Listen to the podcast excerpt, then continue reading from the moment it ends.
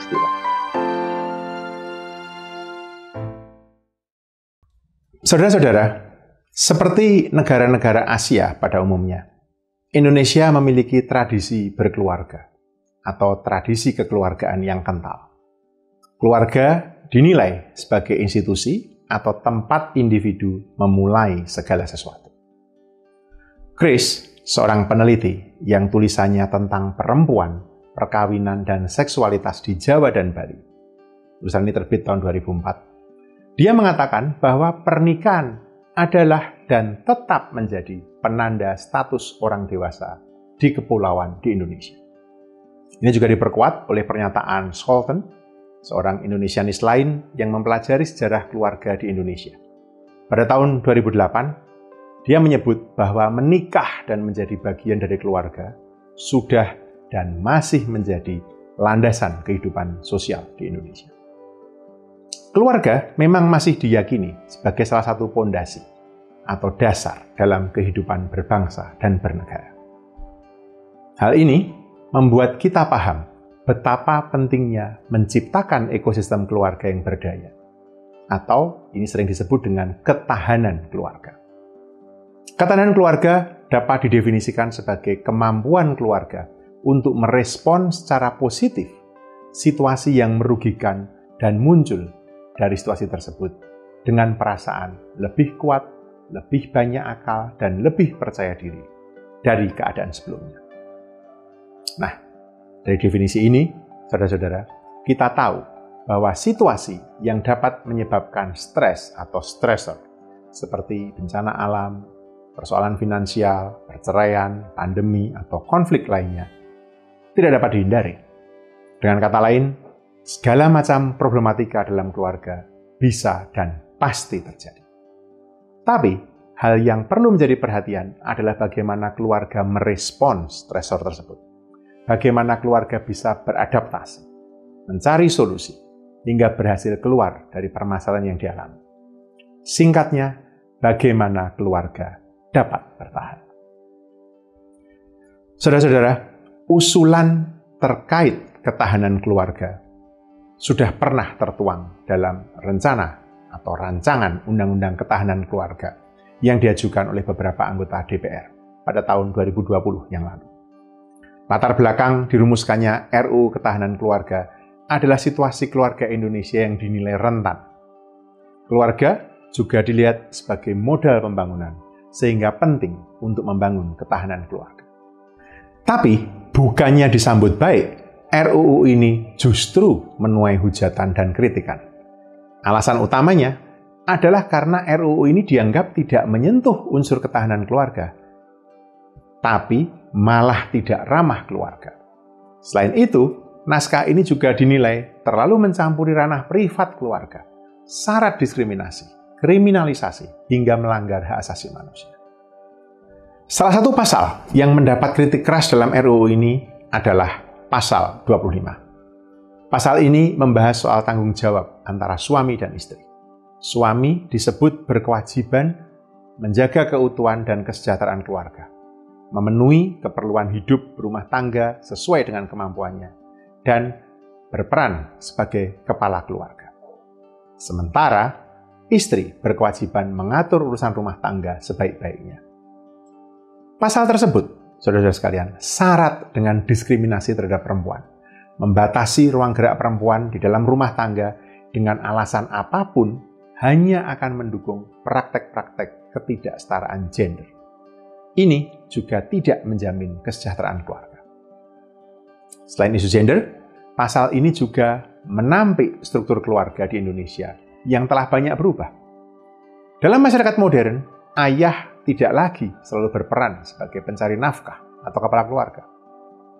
Istri yang turut bekerja atau bahkan menjadi sumber penghasilan utama keluarga bukanlah fenomena yang ganjil di Indonesia. Bahkan kini, anak bisa menjadi kepala keluarga, pencari nafkah, sekaligus membuat keputusan.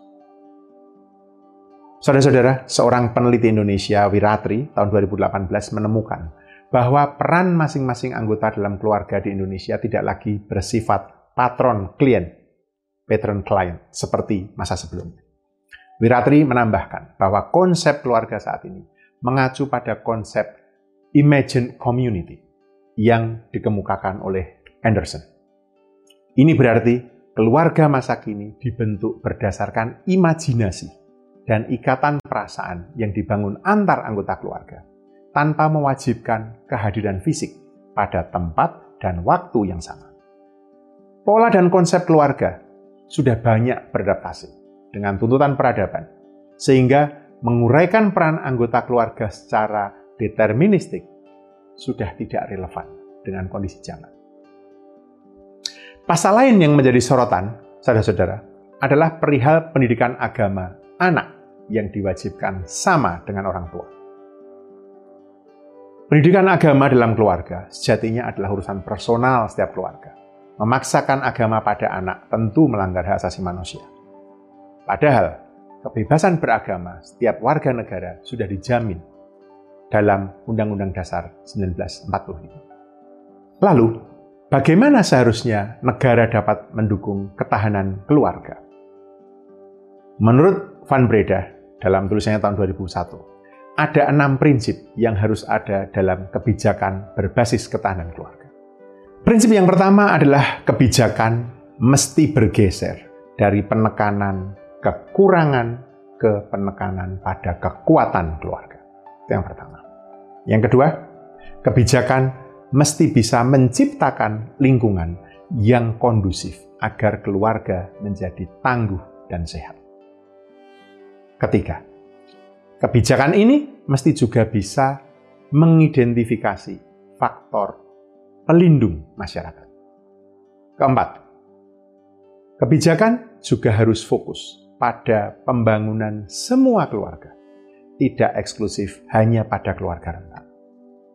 Kelima, mesti fleksibel, harus melibatkan partisipasi dan harus melayani beragam jenis keluarga, budaya, norma, dan lain-lain.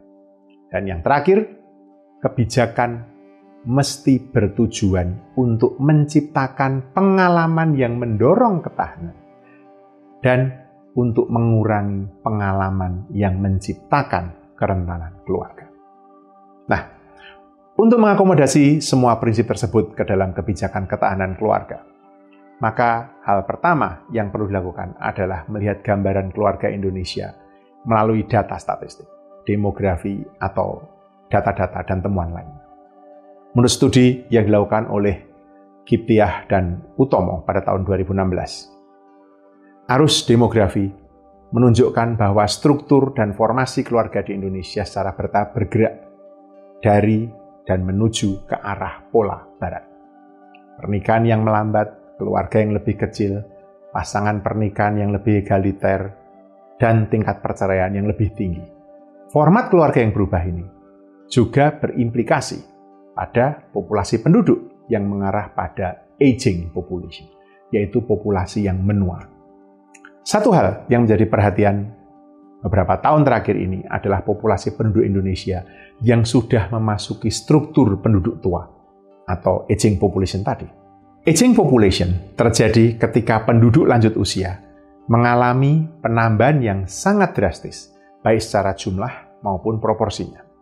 Fenomena ini bisa disebabkan oleh beberapa hal, seperti meningkatnya harapan hidup atau menurunnya angka kelahiran. Namun, penuaan penduduk bisa menjadi petaka apabila penduduk lansia tidak dapat hidup mandiri dan harus menjadi tanggungan bagi generasi muda. Menurut data Susenas pada bulan Maret tahun 2022, nilai rasio ketergantungan lansia adalah sebesar 16,09 yang berarti setiap satu orang lansia didukung oleh sekitar enam orang penduduk usia produktif. Rasio ketergantungan lansia ini bukan tidak mungkin akan terus bertambah, mengingat Indonesia mengalami penurunan angka kelahiran selama dua dekade terakhir. Meski kita masih jauh dari ancaman resesi seks, tren kelahiran yang terus menurun tentu akan berdampak pada meningkatnya fenomena sandwich generation. Karena itu, Saudara-saudara, pemerintah perlu memandang bahwa aging population bukanlah sebuah kekurangan, tapi bisa menjadi kekuatan yang lain. bukan tidak mungkin kita bisa meraih bonus demografi kedua, yaitu ketika proporsi dari penduduk yang berusia tua semakin banyak, tetapi mereka yang dikategorikan penduduk usia lanjut ini masih produktif dan masih memberikan sumbangan bagi perekonomian negara. Di sini, negara mesti berperan mendukung lansia agar berdaya atau mandiri lewat kebijakan yang bisa menyokong kehidupan mereka. Pemerintah sesungguhnya sudah meluncurkan beberapa program bantuan untuk lansia, seperti program Keluarga Harapan, asistensi sosial lanjut usia, terlantar, eh, dan banyak program lainnya. Tapi, Menurut Semeru pada tahun 2020, jumlah lansia penerima manfaat ini masih rendah. Lansia penerima manfaat program perlindungan sosial skema non-kontribusi atau bantuan sosial hanya sekitar 2% dari total jumlah lansia di seluruh Indonesia. Jika kita berkaca pada Finlandia, negara yang mendapat predikat sebagai negara terbaik untuk menua, ada beberapa hal yang perlu dibenahi agar negara ramah terhadap lansia. Negara-negara yang menempati peringkat teratas memiliki kebijakan kesejahteraan sosial jangka panjang yang memberikan pensiun universal dan akses yang lebih baik ke perawatan kesehatan, serta mereka punya rencana aksi untuk penuaan. Finlandia memiliki program riset khusus lansia, kebijakan perumahan khusus bagi lansia, dan layanan nursing care yang berbasis teknologi untuk memantau kondisi lansia. Tentu, saudara-saudara sekalian, membandingkan Finlandia dengan Indonesia mungkin tidak sepadan. Tapi ada beberapa hal yang bisa menjadi pelajaran, yaitu kebijakan yang bersifat universal. Mengingat prinsip keempat kebijakan ketahanan keluarga, yaitu kebijakan yang berfokus pada pembangunan semua keluarga, maka seharusnya kebijakan ramah lansia tidak hanya ditujukan untuk lansia dari kelas ekonomi bawah, tapi untuk semua lansia tanpa pengecualian. Jika memberi penghasilan setiap bulan kepada setiap lansia adalah sesuatu yang sulit dilakukan, pemerintah mungkin dapat mulai dari subsidi transportasi umum yang sudah diterapkan di banyak negara. Ini berarti setiap lansia dibebaskan dari tarif perjalanan transportasi umum yang dikelola pemerintah, misalnya kereta api, kereta komuter, bis trans antar kota, dan lain-lain. Ketahanan keluarga, saudara-saudara, juga dapat dibangun dengan memahami tren perceraian di Indonesia. Selama dua tahun terakhir, angka perceraian di Indonesia mengalami peningkatan. Data BPS tahun 2021 menunjukkan angka perceraian mencapai 447.743 kasus atau meningkat 53,5 persen dari tahun sebelumnya. Kasus perceraian kembali mengalami peningkatan pada tahun 2022, yaitu 15,31 persen. Ada beragam alasan yang menjadi penyebab perceraian. BPS tahun 2022 menunjukkan bahwa perselisihan dan pertengkaran mendominasi penyebab utama perceraian pada tahun 2022, yaitu sebanyak 284.169 kasus ini setara dengan 63,41 persen dari total penyebab perceraian di Indonesia. Penyebab perceraian terbanyak berikutnya adalah faktor ekonomi, diikuti faktor meninggalkan salah satu pihak, kekerasan dalam rumah tangga atau KDRT, mabuk, dan lain sebagainya. Menurut BPS juga, saudara-saudara, mayoritas pemuda Indonesia, ini kira-kira sebesar 33,76 persen, mencatatkan usia pernikahan pertamanya di rentang 19 sampai 21 tahun pada tahun 2022. Selanjutnya, usia menikah pertama berada pada rentang 22 sampai 24 tahun, diikuti rentang usia 16 sampai 18 tahun. Jika kita merujuk pada teori pernikahan Goldilocks yang dirumuskan oleh sosiolog Nicholas Wolfinger, pernikahan yang dimulai pada usia dini dan telat rentan akan risiko perceraian. Saya ulangi, pernikahan yang dimulai pada usia dini dan yang terlambat itu rentan akan risiko perceraian. Bahaya atau risiko yang membayangi pernikahan pada usia muda memang kerap menjadi topik diskusi dalam negara ini. Pemerintah pun berupaya menekan angka pernikahan anak dengan menaikkan batas minimum usia menikah.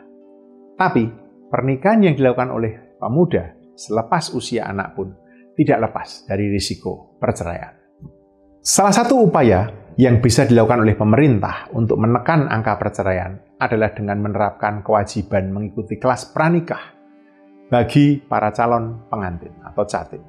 Kelas pranikah biasanya mencakup pembelajaran tentang finansial, psikologi keluarga, kesehatan reproduksi, hingga pengasuhan anak atau parenting. Sayangnya, kelas pranikah yang diselenggarakan oleh Kantor Urusan Agama atau KUA di Indonesia masih bersifat himbauan Padahal negara tetangga kita, Malaysia, yang sudah mewajibkan program ini untuk Catin, telah menunjukkan kinerja yang sangat baik dalam menekan angka perceraian dari tahun ke tahun. Saat ini, sertifikat layak kawin yang harus didapatkan oleh calon pengantin atau catin di wilayah DKI Jakarta misalnya, hanya didasarkan pada pemeriksaan kesehatan reproduksi.